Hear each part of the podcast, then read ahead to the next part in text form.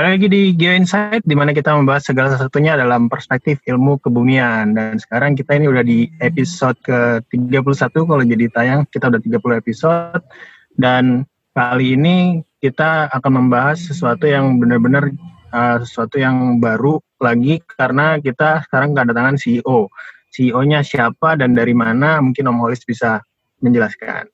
Iya, kali ini di episode kali ini hostnya ada tadi Odi dan uh, bersama saya Kolis. Kita di CEO Talk lagi nih. Odi, jadi yes. uh, CEO Talk udah tiga episode kemarin. Ini yang ketiga dan cukup antusiasnya, cukup rame dua episode uh, sebelumnya. Jadi kita terus ini CEO Talknya. Tinggi ya, Iya, iya. Jadi kali ini kita ajak seorang CEO lagi. Ini udah bergabung bersama kita uh, Mbak Asri dia. Kita panggilnya Mbak aja nih. Odi, jadi ya. biar kelihatan muda walaupun aslinya emang masih muda sih. Kalau sama kalian tuh selalu muda. ya, Mbak Sri ini saya sama Mas Odi dari hostnya kali ini. Mbak gimana kabarnya? Sehat kan Mbak? Puji Tuhan, sehat selalu. Ya, tambah sehat malahan karena nah, karena nggak ke mana-mana ya. iya. Mbak Sri biar um, pendengar Geo Insight lebih kenal uh, dulu nih sama Mbak Asri. Mbak Asri ini siapa sih gitu kan? Dari namanya dan gelarnya itu kan Mbak Asri hmm. Wijayanti ini uh, kalau dilihat gelarnya ST, kemudian uh-huh. Hmm. CPI, M Ausim uh-huh. itu apa sih Mbak? Boleh di oh, iya. nggak tuh? Kan banyak orang iya. yang nggak tahu. Oke, okay, iya, iya. Ya mungkin kalau uh, itu bukan gelar sih ya, sebenarnya saya ST aja gitu. Kebetulan saya emang oh, okay. ngambil beberapa S2 gitu kan, tapi memang ya karena kesibukan memang ada yang belum selesai. Jadi saya memang masih S1 saja teknik geologi. Sedangkan kalau untuk teman-teman yang di dunia pertambangan mungkin paham ya kalau CPI itu adalah bukan gelar, tapi dia apa ya istilahnya kayak uh, apa ya certification uh, gitulah yeah, ya. Yeah. Uh, dia itu okay, yeah, person Indonesia. Jadi kalau di mining itu memang ada uh, semacam itu ya, semacam sertifikasi lah boleh dikatakan hmm. untuk sederhananya gitu. Jadi itu uh, untuk kompeten person Indonesia gitu. Sedangkan AUCMM itu adalah uh, keanggotaan di uh, apa namanya organisasi uh, AUCMM ya yang ada di Australia sana. Nah, itu sama dengan yang apa organisasi yang juga menaungi kompeten person tetapi untuk di uh, Australia. Tapi karena mereka memang global ya sudah mendunia sehingga memang anggotanya memang uh, banyak gitu. Mengapa itu dicantumkan? Karena memang itu terkait dengan profesi gitu kan. Jadi uh, bahwa yang CPI ataupun AUCMM itu memang mereka istilahnya uh, bisa untuk melakukan uh, pelaporan gitu kan pelaporan yang kaitannya dengan pekerjaan yaitu untuk uh, sumber daya tambang gitu kan maupun cadangan uh, tambang gitu kan ya di sektor pertambangan. Nanti oh, dibagi-bagi okay. lagi mengenai komoditinya. Jadi semacam itu. Mengapa itu dicantumkan? Ya supaya uh, orang tahu gitu kan bahwa oh bahwa ini memang bisa apa berprofesi sebagai kompeten person. Seperti itu. Oh, oke. okay. Kalau bis, uh, udah CPI itu mbak kebutuhan persen tuh uh, bisa ngapain sih mbak? Sertifikasi dengan sertifikasi itu. Lebih punya yeah. kekuasaan apa sih gitu?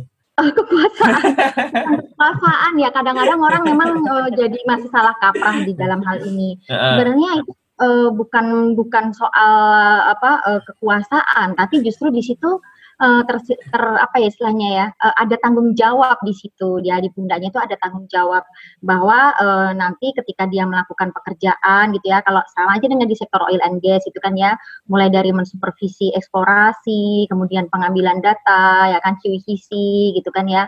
Terus kemudian apa namanya uh, ketika melakukan apa uh, pelaporan gitu kan ya uh, kita sebenarnya menyebutnya estimasi ya, tetapi sebagai gampangnya itu misalnya perhitungan ya, perhitungan sumber daya maupun cadangan. Kalau di LNG juga kan ada gitu kan ya, nanti yeah. untuk di sektor pertambangan gitu. Nah, terus kemudian kita menyusun laporan, itu kan laporan yang ada eh, laporan eksplorasi, kemudian laporan untuk estimasi sumber daya, laporan estimasi cadangan. Nah, itu kita bisa uh, apa namanya uh, yang diperkenankan untuk menandatangani itu adalah orang yang sudah memiliki sertifikat uh, kompeten tadi gitu kan. Oh, Karena ada syarat-syaratnya gitu kan ya. Terus kemudian oh, okay. juga harus melalui proses verifikasi semacam itu ya. Nah, uh, kalau proses verifikasi ki orang bisa menyebutnya itu kayak apa ya? Tesnya atau ujiannya gitu ya walaupun hmm. sebenarnya itu sebenarnya hanya verifikasi saja. Jadi harus melalui uh, fase-fase itu sehingga dia nanti yang uh, saya berhak lah ya berhak gitu atau ya bilang tadi mau lebih kekuasaan ya tapi istilahnya di sini dia berhak untuk melakukan uh, apa namanya menandatangani laporan tersebut di mana laporan tersebut akan uh, digunakan untuk uh, apa istilahnya se secara regulasi ya misalnya seperti laporan RKAB di ESDM kemudian apa uh, melakukan apa uh, pelaporan untuk visibility study semacam itu ya. Nah kebetulan ESDM sudah mengakui juga untuk CPI dari KCMI ini meskipun kadang-kadang laporannya juga masih SNI gitu ya. Hmm, kemudian untuk pelaporan-pelaporan publik ya kan ke bank, uh, laporan ke bank ataupun ke OJK gitu kan ke bursa efek maksud saya gitu kan ya yang ke publik gitu ya untuk ke melantai di bursa saham baik di dalam negeri yaitu di IDX atau uh, apa uh, bursa efek Jakarta ya mm. maupun nanti ke luar negeri gitu kan ya. Ya itu pun masih masih ada uh, beberapa mekanisme-mekanisme yang harus dilakukan. Jadi uh, seperti itu. Tetapi di situ juga ada tanggung jawab dan tanggung gugat gitu kan. Jadi karena secara historikalnya kebetulan Indonesia memiliki cerita buruk gitu kan ya, walaupun sebenarnya yang yang kejadiannya itu bukan orang Indonesia tapi orang luar gitu kan ya, oh. di mana orang itu melakukan pelaporan itu sembarangan ya kan datanya itu malah sengaja seolah sengaja dibuat semacam apa uh, penipuan gitu ya. Di situ tidak tidak sebaik itu prospeknya tetapi dilaporkan bahwa di situ meng, apa namanya memiliki prospek yang baik gitu kan sehingga itu mencoreng dunia pertambangan gitu kan ya sehingga tingkat kepercayaan investor dari luar itu di Indonesia tuh jadi rendah gitu kan. Nah, ini sebenarnya oh, okay. historical seperti ini tidak hanya di Indonesia gitu kan, tapi di luar negeri seperti di Kanada, di Australia itu juga uh, terjadi hal yang sama sehingga makanya uh, apa namanya organisasi-organisasi profesi itu untuk memperbaiki citra dan memang supaya juga uh, kita bisa melakukan dengan baik yang baik eksplorasi maupun penambangan itu uh, bisa apa namanya melakukan dengan best practice gitu kan ya. Nah, itu kita membuat suatu kode yang bisa dilakukan dengan baik dan benar dan dipertang bisa dipertanggungjawabkan semacam itu ya. Bisa dipertanggungjawabkan dan ketika itu salah gitu kan ya, itu uh, ada tanggung gugat di situ gitu kan ya. Jadi bisa, bisa menggugat itu ya. pihak uh, pihak yang apa istilahnya uh, istilahnya uh, terdampak gitu kan ya terdampak oleh uh, ketidakbenaran dari laporan tersebut. Nah itu jadi di situ uh, bukan kemudian kita memiliki kekuasaan bisa enak-enak gitu. hmm, gitu. Nah itu okay, yang yang paradigma paradigma seperti itu yang memang harus sekarang ini mulai diluruskan gitu kan. Walaupun ini sebenarnya sudah agak terlambat di Indonesia ya. Karena banyak misalnya ada orang yang punya tambang gitu kan ya, kemudian mereka sudah melakukan pelaporan. Yang melakukan pelaporan itu sering tuh justru bukan yang di sesuai dengan backgroundnya gitu kan. Ada yang dia itu sarjana hukum gitu kan ya. Ada yang teknik elektro semacam itu ya kan. Oh, okay. mereka melakukan pelaporan melakukan perhitungan gitu kan ya. Terus mereka sudah memberi, uh, memberikan laporan ke kita.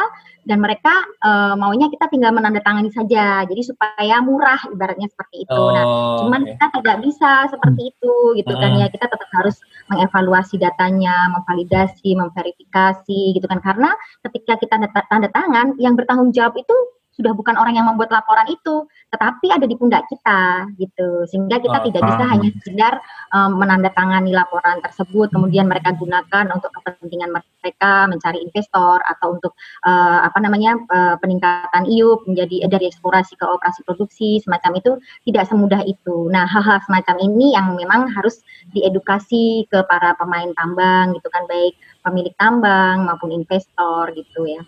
Jadi okay. hal semacam ini yang penting gitu. Siap, oke Mbak Asri. Jadi itu tadi teman-teman uh, perkenalan dari Mbak Asri dan tadi gunanya uh, eh, CPI hmm. itu di dunia pertambangan CPI. itu seperti apa gitu. Oke, okay, ya. silakan Odi.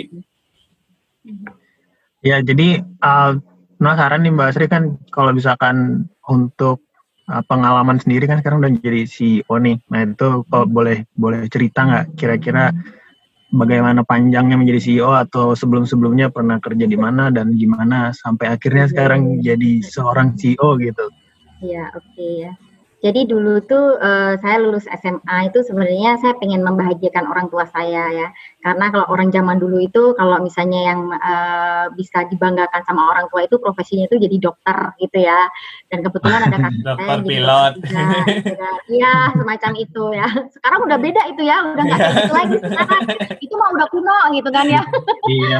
jadi waktu itu saya YouTuber sekarang, Pak. Ya saya ketua MPTN sampai dua kali gitu kan ya terus nggak lulus terus itu kan ya. Terus akhirnya saya uh, udahlah daripada nanti apa namanya saya uh, jadinya malah nggak kuliah gitu kan ya harus apa uh, umurnya juga sudah bertambah gitu ya. Terus akhirnya saya pikir-pikir saya punya buku gitu kan ya pedoman di situ berbagai macam profesi.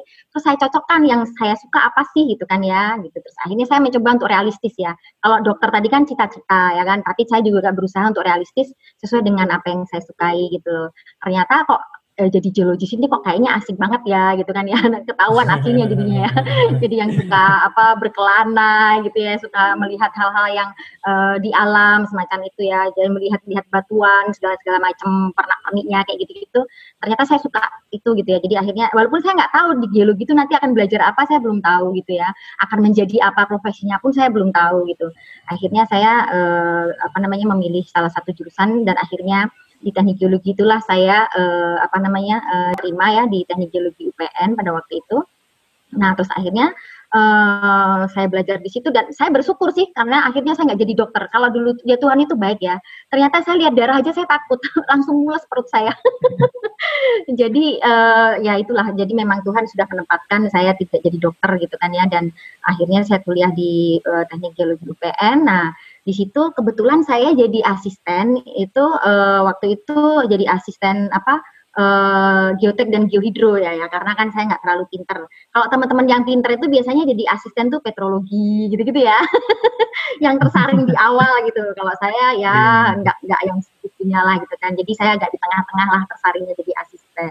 Jadi saya jadi asisten dosen waktu itu untuk geotek dan geohidro gitu kan ya. Nah terus kemudian uh, ketika teman-teman itu pada KKN saya memilih untuk tidak KKN ah KKN kan cuma gitu-gitu doang ya gitu kan ya. Emang sih asik gitu ya bisa punya pengalaman macam-macam tapi saya nggak nggak milih untuk KKN gitu kan. Saya pilih untuk kerja praktek. Nah kebetulan kerja praktek saya ada hubungannya dengan geotek dan geohidro yaitu membangun uh, bendungan irigasi di daerah Tambak Bayan gitu.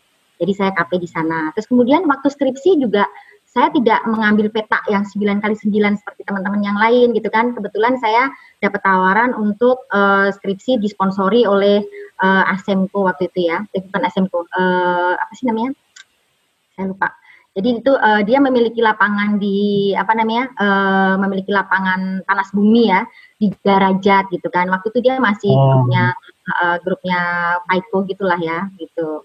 Nah, terus kemudian uh, apa namanya uh, setelah saya di sana saya waktu itu sempat sering bolak-balik ke Jakarta waktu skripsi itu ya uh, di Jakarta karena kantornya di Jakarta walaupun setnya itu di di apa di Garut gitu ya Nah, terus uh, ketika saya di Jakarta, saya tinggal sama kakak saya, gitu kan, dia dia kerja, jadi PNS, gitu kan, uh, ngekos di tempat yang sempit, gitu kan, ke mana-mana, kendaraan susah dan sebagainya, gitu-gitu ya. Nah, saya melihat, saya bermimpi. Jadi awalnya tuh saya cuma bermimpi, saya nggak pernah tahu kalau ternyata itu ada ya perusahaan yang seperti itu. Saya bermimpi, berhayal. Dari saya dulu sukanya berhayal ya. Jadi saya pengen uh, kerja di tempat yang semua itu udah disediain, pokoknya disediain sama perusahaan maksudnya ya. Akomodasi yeah. transportasi segala macam pokoknya saya tinggal kerja aja gitu kan ya. Nah terus akhirnya waktu saya lulus tuh saya ngeplay gitu di mana-mana.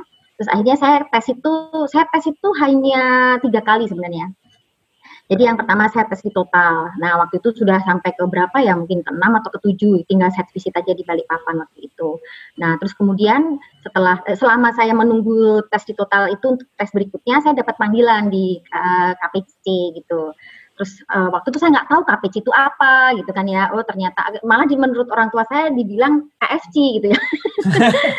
ternyata itu Kaltim Primako ya, tambang batu bara di Indonesia. Gitu kan. Hmm. Pas ketika tes pun saya pikir saya akan ujiannya itu akan berkenaan dengan batu bara gitu. Tapi kok nggak ada satupun yang ada hubungannya sama batu bara gitu kan. Saya bingung gitu kan. Saya ngeplay apa sih ya gitu loh. Terus akhirnya pas waktu interview, uh, pas tesnya udah selesai, saya pas interview, saya minta pinjem itu uh, surat lamaran pekerjaan saya sama yang interviewnya. Boleh saya lihat, saya pengen tahu saya dulu ngeplay apa dalam hati. Ternyata saya ngeplaynya itu geotechnical engineer. Jadi pas banget dengan ketika saya menjadi asisten gitu kan ya. oh, ya. Nah, Nah, waktu itu okay. saya itu banyak yang S2 segala macam udah pengalaman dan kebanyakan bukan geologi tapi justru di teknik pertambangan sama teknik sipil gitu ya. Ada hmm. berapa orang itu, nah terus kebetulan akhirnya saya salah satu yang diterima gitu kan bersama dengan anak ITB. Nah terus uh, abis itu pasal selama saya kerja itu ternyata saya juga dapat panggilan itu di uh, LIPI gitu kan, Ristek gitu kan. Nah waktu saya uh, apa namanya uh, tes itu saya ditanyain sama interviewnya gitu kan kamu udah enak kerja di tambang. Di sini gajinya sedikit loh kalau di Lipi Ristek itu kan PNS ya. Jangan-jangan kamu mau pindah di sini karena pacarmu di sini ya katanya. nah, terus akhirnya uh, saya nggak jadilah di situ gitu kan ya. Nah, terus akhirnya saya kerja di KPC itu waktu itu KPC masih miliknya Rio Tinto BP ya. Jadi pada masa-masa oh, dia ya. mau investasi uh, itu tahun 2006 eh 2002 sampai 2006 gitu. Nah, terus waktu itu akhirnya dia divestasi sama Bakri. Nah, ketika saya di sana itu awalnya saya memang geotechnical engineer gitu, tapi karena ada beberapa orang yang pengen saya juga mengalami nasib seperti dia di apa di rotasi-rotasi gitu kan di beberapa tempat itu, akhirnya mereka uh, pada protes ke manajemen dan akhirnya saya juga diikutkan sama mereka. Tapi awalnya saya sedih ya, wah kok aku digituin kayak dizolimin gitu ya. Tapi ternyata justru dari situ saya belajar gitu kan. Nah, waktu itu kan saya cuma sekedar apa istilahnya ah ya sudahlah aku terima aja. Pasti Tuhan tuh punya punya rencana di balik semua ini gitu kan ya. Walaupun saya seolah pada waktu itu dizolimi gitu ya. Tapi akhirnya saya justru mengambil manfaat dari situ. Karena selain saya geotechnical engineer tadi saya diputar-putar tuh jadi sempat jadi pit geologis atau grade control di tambang gitu kan. Terus kemudian saya jadi website geologis gitu kan di eksplorasi gitu kan. Dan waktu itu juga kerjanya dua shift, nggak cuma satu shift gitu ya. Terus kemudian uh, saya akhirnya balik lagi gitu kan ke geotech dan uh, di situ saya menjadi lebih tanggung jawabnya sampai menjadi seorang senior geotechnical engineer.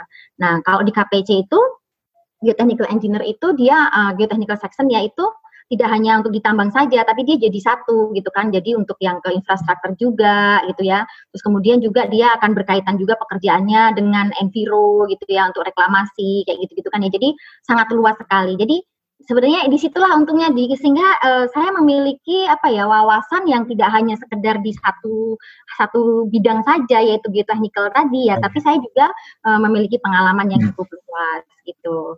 Nah, terus waktu itu saya apa namanya uh, pengen pindah gitu kan ya, pengen pindah. Terus saya sudah dapat uh, apa istilahnya di interview waktu itu ya tes sama di interview di Freeport. Nah, tapi di sana itu hanya untuk infrastruktur saja. Kalau di Freeport itu dia sudah dibagi-bagi ya untuk yang geotech open cut sendiri, underground sendiri untuk miningnya, kemudian infrastruktur juga sendiri gitu ya. Nah, waktu itu saya tes untuk yang di geoteknika untuk yang infrastruktur. Tapi ya itu tadi saya dilarang sama orang tua karena kan di sana isunya kan banyak perang suku dan sebagainya, ya apalagi saya perempuan gitu ya. Nah, terus kemudian uh, ternyata di tahun 2006 itu juga saya dapat panggilan untuk bekerja di Jakarta sebagai mining consultant.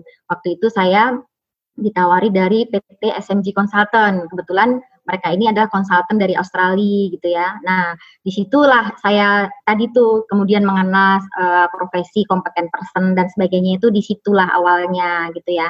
Nah, pada waktu itu uh, Indonesia belum memiliki okay. kode KCM itu, jadi masih kodenya masih memilikinya uh, masih berkiblat ke Australia ya menggunakan kode JORC gitu ya. Nah, waktu itu saya bekerja di sana sebagai core resource geology, saya belajar modeling dan sebagainya itu di situ. Nah, terus kemudian uh, tahun 2009-2010 saya uh, pengen cari pengalaman yang lain lagi gitu di konsultan yang lain ya, masih Australia juga yaitu di PT Minarkomain Consult gitu. Itu di bidang yang sama dan saya juga di posisi uh, core resource geologist juga, tapi senior ya. Nah, kemudian tahun 2010 itu, kemudian uh, saya karena ketika saya bekerja di beberapa di konsultan dua konsultan tadi, saya banyak menemui tambang-tambang itu yang datang ke kami itu ternyata uh, data-datanya itu tidak bisa uh, apa istilahnya ya, uh, tidak memenuhi ini ya, memenuhi syarat gitu ya untuk dijadikan pelaporannya itu sesuai dengan kode secara hmm. internasional yang diakui gitu ya. Jadi semua harus diulang gitu. Ada yang sampai dia tuh ngebor sudah sampai seribu titik kayak gitu-gitu tapi nggak bisa dipakai gitu kan ya oh. karena gitu. tidak lengkap tidak tidak sesuai dengan hmm. standar hmm. dan kode gitu. Sehingga di situ kan saya kadang-kadang sampai nggak sampai hati gitu kan ya suruh ngulang coba seribu seribu, titik, titik. Itu dia ngebor sampai dari tiga tahun itu beneran ya. Ngabisin uang berapa? gitu ya. Terus dan banyak sekali seperti itu. Jadi akhirnya wah kasihan juga mereka ya Sedangkan di konsultan-konsultan yang tempat kami bekerja tadi kan mereka lebih banyak ke hanya langsung ke pelaporan gitu ya. Jadi istilahnya apa yeah, uh, yeah. data yang sudah jadi seperti itu. Nah akhirnya berangkat dari situ. Kayaknya saya mesti uh, ini deh ada peluang di situ gitu kan ya. Di mana saya bisa membantu para miners, investor dan sebagainya yang belum paham untuk bagaimana caranya melakukan eksplorasi yang benar itu. Nah saya masuk ke situ. Nah, tahun 2010 itulah saya mendirikan PT Green Resources yang nantinya memang akan kami tujukan waktu itu hanya untuk eksplorasi saja gitu loh. Nah, tapi kemudian oh. eh, apa namanya ternyata eh, di, di apa namanya setelah kami di situ ya di apa eksplorasi itu ternyata mereka juga membutuhkan pelaporan juga dan kebetulan kalau misalnya eh, apa konsultan-konsultan yang ada di Indonesia saat itu tuh memang masih kebanyakan asing ya dan harganya sangat mahal sekali gitu. Jadi terus akhirnya harusnya saya memang harus juga develop diri saya untuk bisa menjadi seorang kompeten person gitu ya. Nah, terus akhirnya saya mencoba untuk uh, mencari peluang itu dan PT Green Resources tadi saya serahkan ke kakak kelas saya sama ke suami saya. Pada waktu itu dia masih pacar saya sih ya. Jadi saya serahkan ke mereka dan kemudian uh, saya uh, bergabung dengan namanya PT Brindo. Nah di situ saya jadi project manager, kemudian saya juga mendapat kesempatan untuk menjadi seorang kompeten person. Saya di situ juga tahun 2011 itu saya ikut membidani lahirnya kode KCMI yang setara dengan JORC pada saat ini sudah berkembang ya. Nah, saya pada waktu itu ikut membidani di situ juga ya. Nah, terus kemudian eh, apa namanya? Pada waktu itu memang lagi rame-ramenya ya ditambang ya pada waktu itu ya peluangnya memang sangat besar sekali. Nah, terus kemudian eh, di perusahaan saya sendiri yang dikelola oleh apa kakak kelas dan suami saya itu uh, sudah keteteran gitu kan dan akhirnya membutuhkan saya. Jadi di situ saya agak in juga ya, agak dilema juga gimana dilema, ya, gitu. hmm, dilema. Tapi terus akhirnya saya dikuatkan sama suami saya bahwa kamu bisa kok, kamu bisa gitu kan ya. Nah, karena kan saya sering cerita dan sharing mengenai uh, beban dan tanggung jawab yang saya kerjakan di perusahaan itu. Jadi pada waktu saya pernah mau cuti melahirkan itu, saya diminta overhandle ya sama apa? sama perusahaan pada waktu saya bikin overhandle itu saya sendiri juga takjub gitu loh ternyata saya dalam waktu yang sama itu saya menghandle 48 project gitu ya. Terus sampai uh, atas saya bilang, Asri, this is not overhandle. this is overload katanya gitu. Jadi akhirnya selama saya cuti itu uh, perusahaan itu akhirnya meng-hire kalau nggak salah empat orang project manager gitu kan ya sebagai yang menggantikan pekerjaan-pekerjaan yang saya pegang tadi itu. Jadi sampai empat orang gitu ya. Nah terus akhirnya uh, ketika saya balik, balik lagi setelah melahirkan ya, saya balik lagi, justru akhirnya saya nggak dapat pekerjaan tuh. Wah, kok jadi nggak ada pekerjaan gitu ya, karena udah dihandle semua sama ini ya.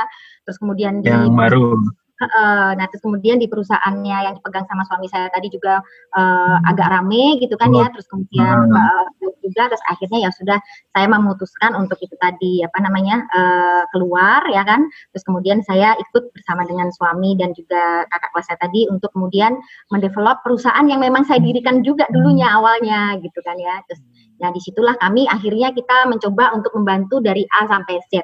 Jadi kalau tadi ada yang cuma kontraktor, kontraktor saja yang hanya memberikan servis eksplorasi, hanya eksplorasi saja tetapi tidak bisa reporting. Demikian juga untuk company-company yang hanya bisa reporting tetapi tidak bisa uh, melakukan eksplorasinya. Nah, di tempat kami itu E to Z lah ya. Jadi dari A sampai Z itu bisa membantu dan dengan harga yang ya istilahnya masih reasonable lah, tidak terlalu tinggi, jadi masih bisa uh, terjangkau oleh apa namanya miners maupun investor. Jadi itu sih ya apa namanya uh, latar belakang saya sampai mendirikan perusahaan sendiri itu seperti itu dan yeah. ya puji Tuhan sudah survive sampai 10 tahun dari sekarang ya. Gitu. 10 tahun ya berarti Mbak Asri ya, jadi ya, dari betul. 2010 tuh. Iya.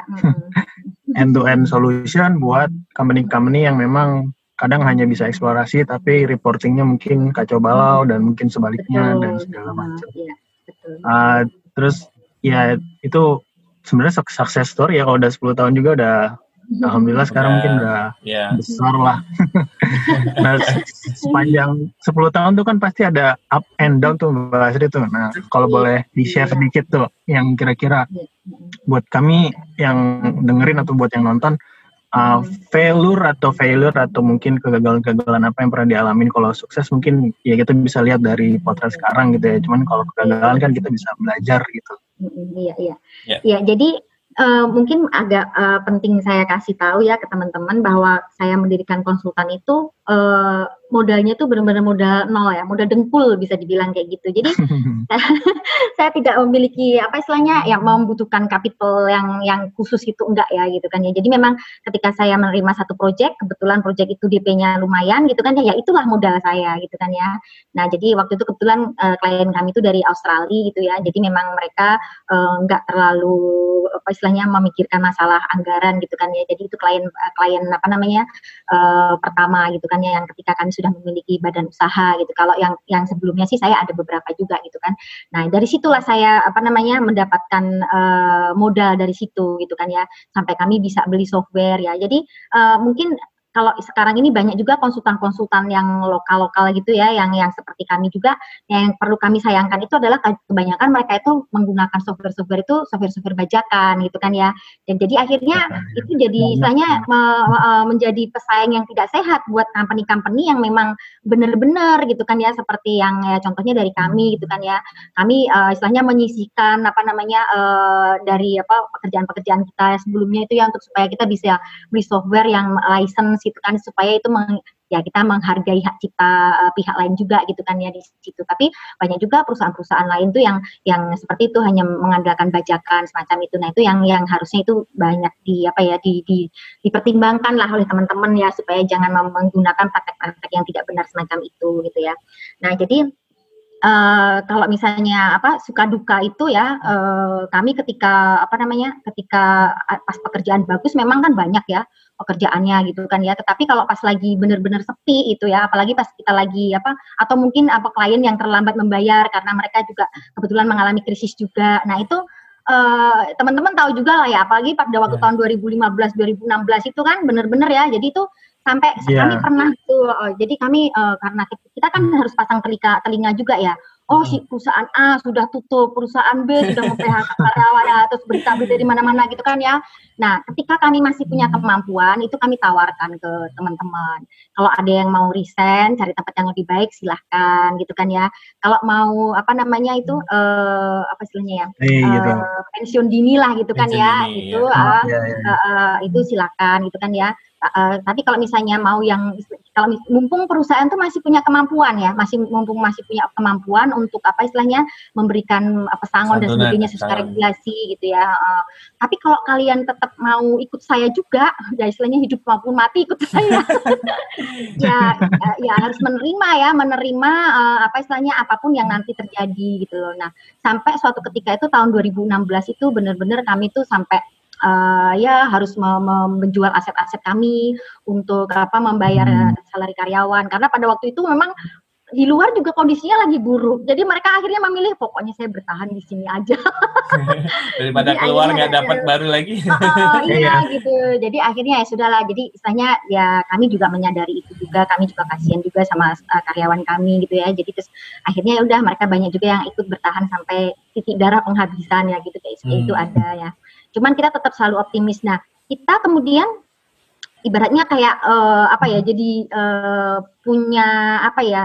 Uh, daya juang gitu ya untuk supaya bagaimana kita bisa survive gitu kan ya. Uh, jadi kita nggak pilih-pilih pekerjaan, pekerjaan sekecil apa pun itu kita ambil gitu kan ya. Dan itu juga menambah apa istilahnya? menambah portofolio, kita juga sebenarnya gitu kan ya. Oh, betul. Ada loh perusahaan yang kesannya perusahaan itu kayak gede-gede, perusahaan yang namanya nama besar gitu. Tapi ternyata ngasih perusahaan apa ngasih kerjaan ke kami itu cuma kecil gitu. Itu banyak juga seperti itu justru perusahaan-perusahaan yeah, yang yeah. kadang-kadang nggak terdengar itu malah kemudian memberikan proyek yang lumayan besar. Nah, dan kami juga dari situ kami bisa apa membantu teman-teman gitu kan yang apa istilahnya lagi uh, jobless gitu ya untuk bisa bergabung dengan kami gitu kan ya. Nah, terus kemudian juga apa namanya uh, puji Tuhan sih ya kita sih bisa survive uh, selama ini gitu kan ya walaupun up and down semacam ini. Nah makanya kami juga uh, untuk saat-saat ini apalagi dengan adanya pandemi corona saat ini ya itu kita juga memikirkan untuk ekspansi. Jadi kita tidak hanya melulu yang tadi sudah A to Z itu sudah bagus gitu ya, tapi kami juga ekspansi. Nah ekspansi itu kadang-kadang bukan hanya dari pemikiran kami, tapi justru kadang-kadang karena ada permintaan dari klien kami. Walaupun kami belum pernah melakukan pekerjaan itu, tapi kami hmm. punya keyakinan bahwa kami berani mengambil itu. Nah Tapi kami juga tidak kemudian di luar kemampuan kami ya. Kalau memang kami tidak punya sumber daya atau SDM, kami pasti akan berusaha untuk mencari SDM yang memang sesuai dengan yang dibutuhkan oleh klien. Jadi itu yang juga apa menjadi salah satu apa concern kami ya. Bukan hanya asal menerima pekerjaan padahal kami SDM kami tidak ada ya. Tapi kami selalu mengadakan uh, eh, SDM yang yang sesuai dengan regulasi, sesuai dengan kemampuannya, gitu, sesuai dengan pengalamannya, gitu. Jadi kami kami sangat terbuka dengan associate gitu ya. Jadi kami memiliki beberapa associate bekerja sama dengan pihak lain yang memiliki kemampuan sesuai dengan yang dibutuhkan ya. Jadi kita hanya mengarrange saja untuk semuanya itu bisa terjadi dan itu juga menjadi salah satu uh, apa ya sarana buat kami mendevelop diri, bisa menjadi punya pengalaman juga di situ gitu. Jadi kayak misalnya kayak kami sekarang ini ada pengeboran sumur. Pengeboran sumur tuh awalnya kami karena apa? karena mati mati PDAM ya di di komplek kami gitu kan oh. ya terus oh. akhirnya ah mesin bornya nganggur ya udahlah kami ngebor ternyata banyak yang mau gitu kan nah terus kemudian karena banyak yang mau nah uh, salah satu uh, suami saya itu dia ikut di Facebook gitu kan ya di Facebook dia ikut grup-grup itu kan grup-grup kontraktor-kontraktor gitu nah mm-hmm. ternyata di situ ada yang butuh ini butuh itu untuk bor dalam PDAM lah atau proyek-proyek mm-hmm. industri dan sebagainya di situ kami mm-hmm. masuk gitu dan ternyata lumayan di situ gitu dan itu uh, sebenarnya sangat sederhana sekali pekerjaannya gitu kan ya. Nah, terus kemudian kami juga uh, menginjak ke infrastruktur gitu ya. Jadi ada kami membangun apa namanya uh, untuk geoteknya sih ya untuk untuk apa uh, foundation jalan, terus kemudian jembatan, kemudian port gitu ya, dari mulai surveinya maupun untuk geotechnical apa uh, investigationnya sampai reporting dan assessmentnya semacam itu. Terus kemudian kita juga mau ada proyek yang lumayan besar itu di proyek uh, growing untuk bendungan ya, bendungan hmm. terbesar hmm. di Indonesia yang akan diresmikan Pak Jokowi nanti, yaitu di Ogan Komering Utara ya. Itu nanti untuk irigasi maupun untuk PLTA. Nah, jadi kami ambil peluang-peluang itu, walaupun kami cuma kadang-kadang cuma support, tidak apa-apa, tidak masalah gitu kan ya. Yang penting itu bisa apa istilahnya membuat kita survive dan juga, juga Mbak ya. Ya, uh, portofolio dan iya, bisa betul. memberi uh, membuka peluang untuk uh, teman-teman lainnya. uh, semacam itu. Nah, kemudian kami juga mendapat kesempatan dipercaya sama beberapa apa perusahaan tambang untuk membantu mereka di man manajemen.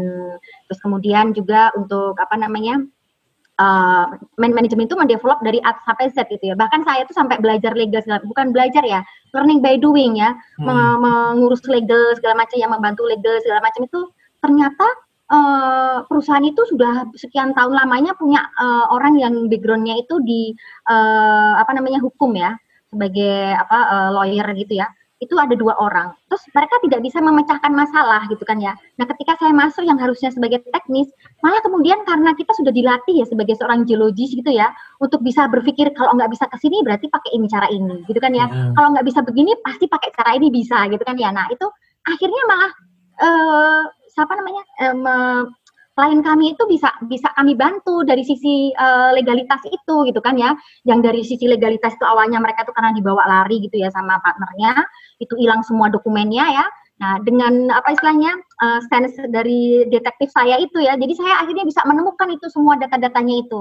Nah terus kemudian juga karena networking gitu kan ya. Jadi akhirnya antara pihak yang awalnya berseteru gitu ya bermusuhan itu terkoneksi semua dengan kami gitu sehingga akhirnya itu membawa solusinya jadi networking itu penting gitu kan ya dan itu tidak dipelajari di apa di sekolahan di bangku sekolah ya itu uh, hanya bisa kita jalani seperti itu ya. Oke. Okay. Nah, kemudian kami juga mau ekspansi juga untuk di uh, trading gitu ya. Kebetulan kalau untuk trading sih kami batasin dulu untuk di nikel dan juga untuk di uh, batu bara. Nah, terus kemudian juga karena kita nggak bisa hanya di di satu sektor pertambangan ya, meskipun tadi ada eksplorasinya, ada uh, apa operationnya, kemudian ada juga tradingnya gitu kan ya. Tapi kita itu kan semua masih di sektor pertambangan gitu kan ya. Jadi akhirnya kita juga memutuskan untuk eh kayaknya ini juga yang ada senang-senangnya deh gitu kan ya. Dan sekarang juga lagi teman-teman juga lagi pada booming gitu kan ya. Jadi kita mau uh, berangkat ke sana juga yaitu di sektor uh, geowisata ya walaupun nanti uh, virtual ya. Jadi kami sedang mendevelop untuk hal tersebut gitu. Jadi seperti itu sih Mas ya. Ya. Jadi uh, udah berekspansi ke mana-mana ya ini ya. Iya. Okay. Lebarkan sayap terus. Iya, ada opportunity lain ambil gitu. Ya. ya kalau melihat bisnis uh, tambang sekarang ini Mbak di tengah pandemi Covid ini gimana sih sekarang kondisinya Mbak?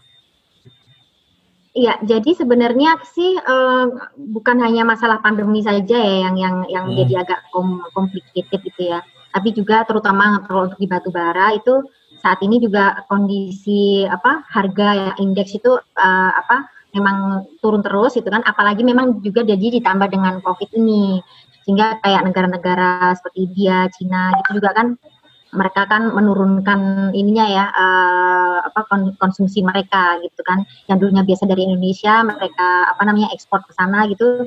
Jadi itu benar-benar cuma berapa persen lah gitu kan. Jadi banyak tambang-tambang terutama batu bara itu yang apa uh, pada ini pada tidak bisa bertahan berguguran gitu ya. Jadi oh. banyak pengangguran juga di sana uh, cuman tetap uh, apa namanya masih ada peluang juga. Kadang-kadang saya sampai bujukin tuh investor gitu kan ya karena ada beberapa uh, owner juga yang mereka aduh gimana ya tolong carikan investor atau tolong carikan buyer dan sebagainya. Nah, itulah kenapa kemudian membuka peluang kami bahwa oh ada juga funder gitu kan yang yang memiliki apa namanya dana tapi dia bingung mau diapain gitu kan ya hmm. karena lagi hmm. pada sepi semua ini ya kan yeah. jadi, jadi akhirnya dari situ saya mengcreate gitu kan ya mengcreate ini dia apa punya punya tambangnya tapi nggak bisa kerja karena nggak punya uang. Dia punya uang ya kan, tapi dia eh, nggak uh, bisa nggak tahu, tahu mau diapain betul. Uh. Terus kemudian pasar ada, permintaan ada gitu kan seperti setidaknya untuk domestik ya.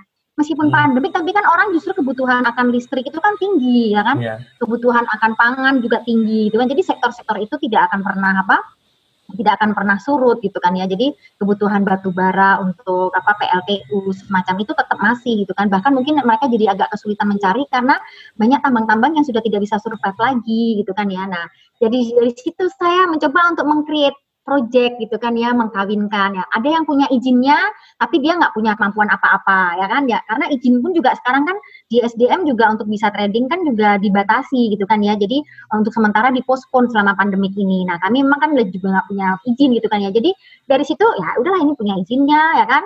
Ini punya dananya ini punya tambangnya di situ ada bayarnya. Ya udah kita kawinin aja gitu. Jadi uh, justru itu semua itu muncul ketika pandemi ini gitu loh. Yang sebelum-sebelumnya saya ah kayaknya karena banyak saingan ya, ya banyak saingan pada waktu belum ada pandemi. Nah sekarang ini saya merasa itu malah jadi suatu momen yang yang terbaik buat kami saat ini gitu kan. Di mana pandemik itu justru kami bisa apa mendapatkan peluang-peluang tadi gitu kan ya. Tentu saja itu juga harus dibarengi dengan apa ke apa namanya keberanian dan juga perhitungan yang matang juga gitu ya. Jadi seperti itu sih.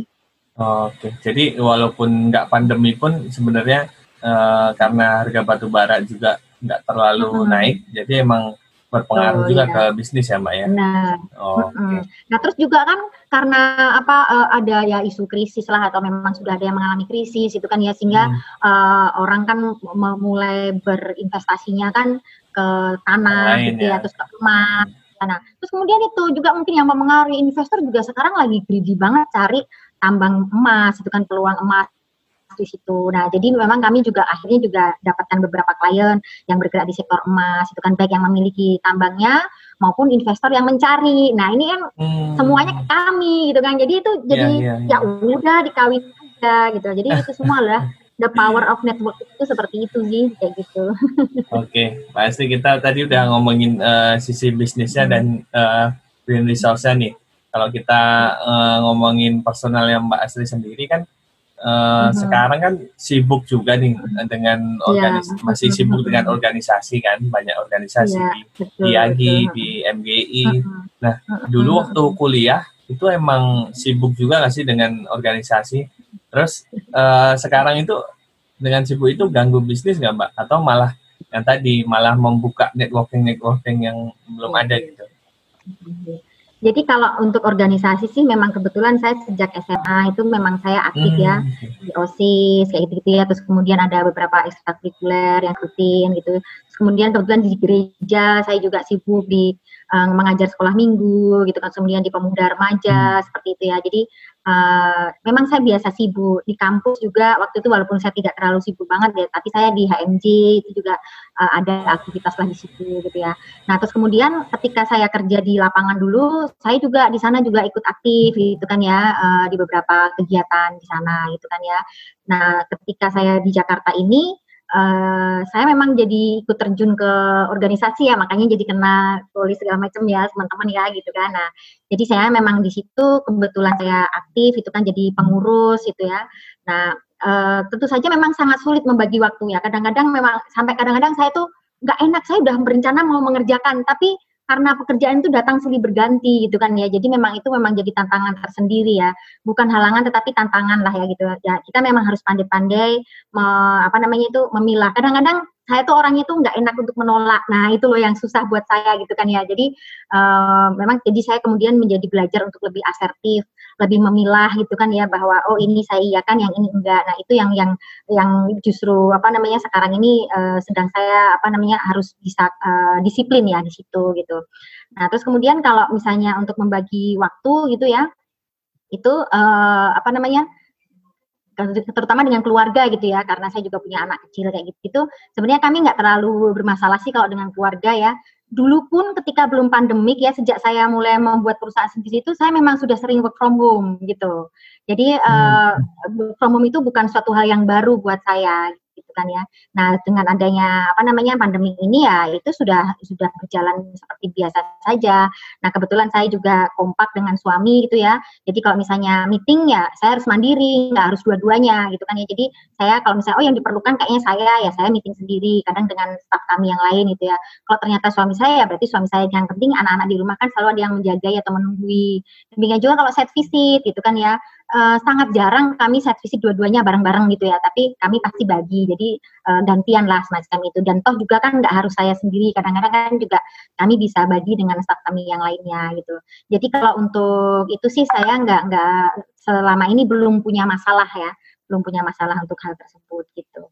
Dan saya juga ajarkan juga sih ke anak-anak saya walaupun mereka masih kecil, kayak mereka masih SD kelas 2, kelas 3 gitu ya itu mereka uh, ada apa pelajaran online gitu. Saya sudah ajarkan ke mereka bagaimana caranya mengoperasikan bagaimana caranya untuk upload tugas dan sebagainya. Nah itu memang dari sejak kecil mereka saya ajarin untuk mandiri gitu loh. Malah kalau waktu itu kan kami sempat nggak ada ART gitu ya agak lama gitu hmm. kan ya itu malah bagus sebenarnya gitu karena mereka juga jadi mandiri, gitu mandiri gitu loh. Ya? Tapi begitu, uh, begitu iya. ada ART malah jadi akhirnya apa apa minta tolong mbak. Hmm. Itu sebenarnya malah nggak kurang kurang bagus sih mbaknya juga kadang mungkin karena pengen bantuin atau sungkan sama saya gitu kan ya jadi terus akhirnya melayani jadi kadang-kadang malah saya marahin mbak jangan itu biar diajarin untuk mandiri gitu kan karena kalau enggak wah repot gitu kan ya seperti itu oh, oke okay. berarti karena emang udah terbiasa hmm. sibuk jadi apalagi hmm. kerjaan juga bareng sama suami kan ya jadinya ya. uh, nggak mengganggu ya. koordinasi ya. ya. Iya, iya. Ya. Oke, Modi. Iya, uh, Mbak Asri, ini kan tadi ngomongin time management, ngomongin tentang mandiri gitu. Nah, sedek, ya. sekarang uh, pengen tahu nih sebenarnya Mbak Asri punya tips nggak buat teman-teman yang dengerin teman-teman mahasiswa atau fresh graduate yang masih dalam perkuliahan atau baru lulus gitu uh, apa sih kira-kira yang bisa digunakan atau mungkin yang bisa diutilize untuk memulai karir pada saat ini gitu mungkin spesifik mungkin di bidang uh, pertambangan misalkan. Jadi atau mungkin secara umum tips untuk membagi waktu seperti apa dari dari Mbak Asri gitu. Iya, iya. Ya, kalau tips dari saya sih ya, uh, yang saya alami gitu ya, itu uh, yang pertama itu adalah kalian jangan pilih-pilih gitu loh. Jadi uh, setiap kesempatan yang ada, walaupun mungkin pada saat itu mungkin merasa kalian ah kok saya cuma bekerja cuman kayak gini gitu kan ya, hanya yang paling rendah di tataran struktur organisasi suatu perusahaan misalnya kayak gitu ya itu uh, ya memang semua orang mengalami itu gitu kan ya.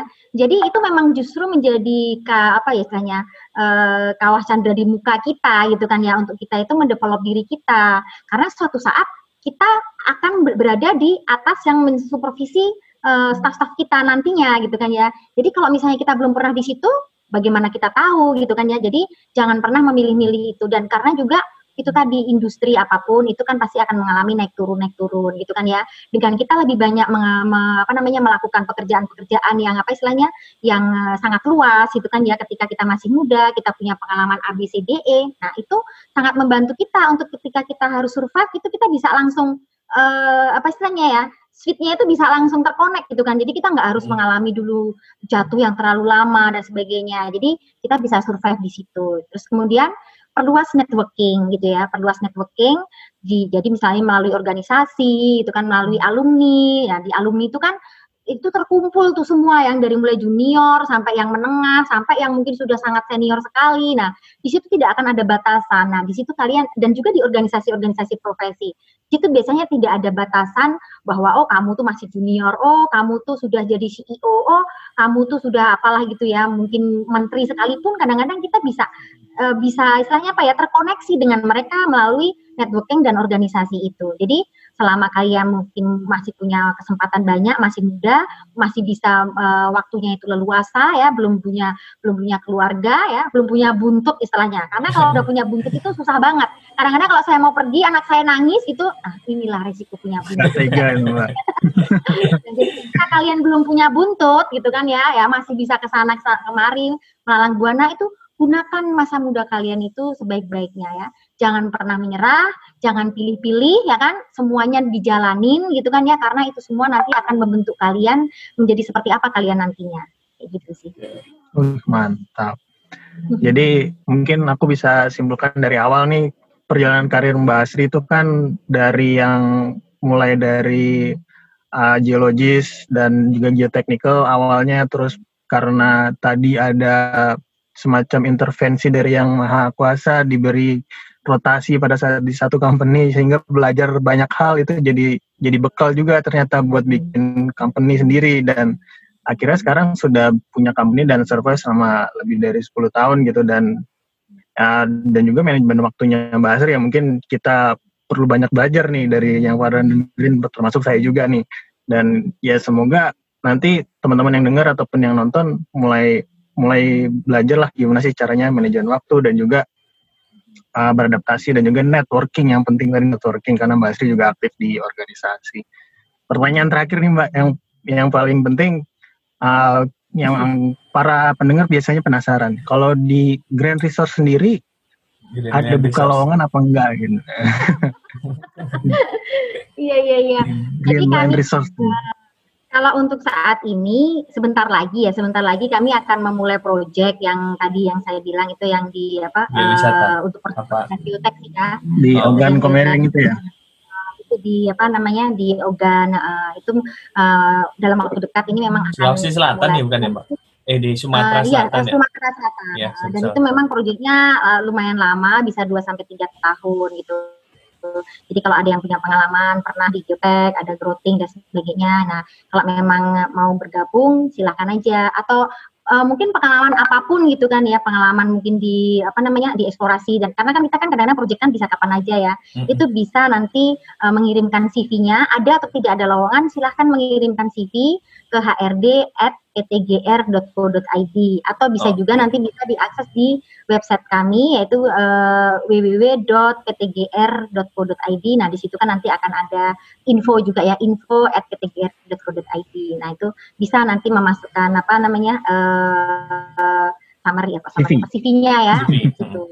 Atau kalau misalnya mungkin uh, apa namanya tahu handphone saya, saya sih sangat open aja sih ada juga uh, hotline kami di situ ya yang bisa apa uh, WhatsApp juga gitu kan jadi mau ngirim dari situ pun juga bisa gitu karena kita proyeknya bisa kapan aja gitu, gitu. oke okay.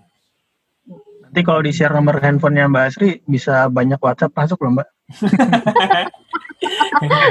iya di website itu ada hotline-nya sih hotline-nya ada di situ Oke, okay, nanti bisa ada opportunity jadi teman-teman bisa di websitenya PTGR ya Mbak ya. Ya, betul. Iya. Iya, Greenland Resource. Mm -mm. Ya, ini nggak berasa Mbak, udah mungkin 30 menit lebih ya. Terima kasih Mbak Astri atas waktunya ya, sudah bercerita perjalanan karirnya dan uh, naik turunnya perusahaan BTGR sendiri, yep. Greenland Resource dan uh, semoga teman-teman yang karena pendengar kita ini ada yang uh, masih fresh graduate, ada yang baru nyari kerja, ada yang juga udah profesional. Mungkin teman-teman yang masih fresh graduate dan masih nyari kerja uh, dengan uh, motivasinya Mbak Asri dan mendengar dan ataupun menonton podcast ini bisa uh, terinspirasi lah. Gitu ya, Odi. Mungkin ada Ya, apa? eh, omongan terakhir dari Mbak Asri, ada statement terakhir ya? Belum kita tutup. Kan tadi udah.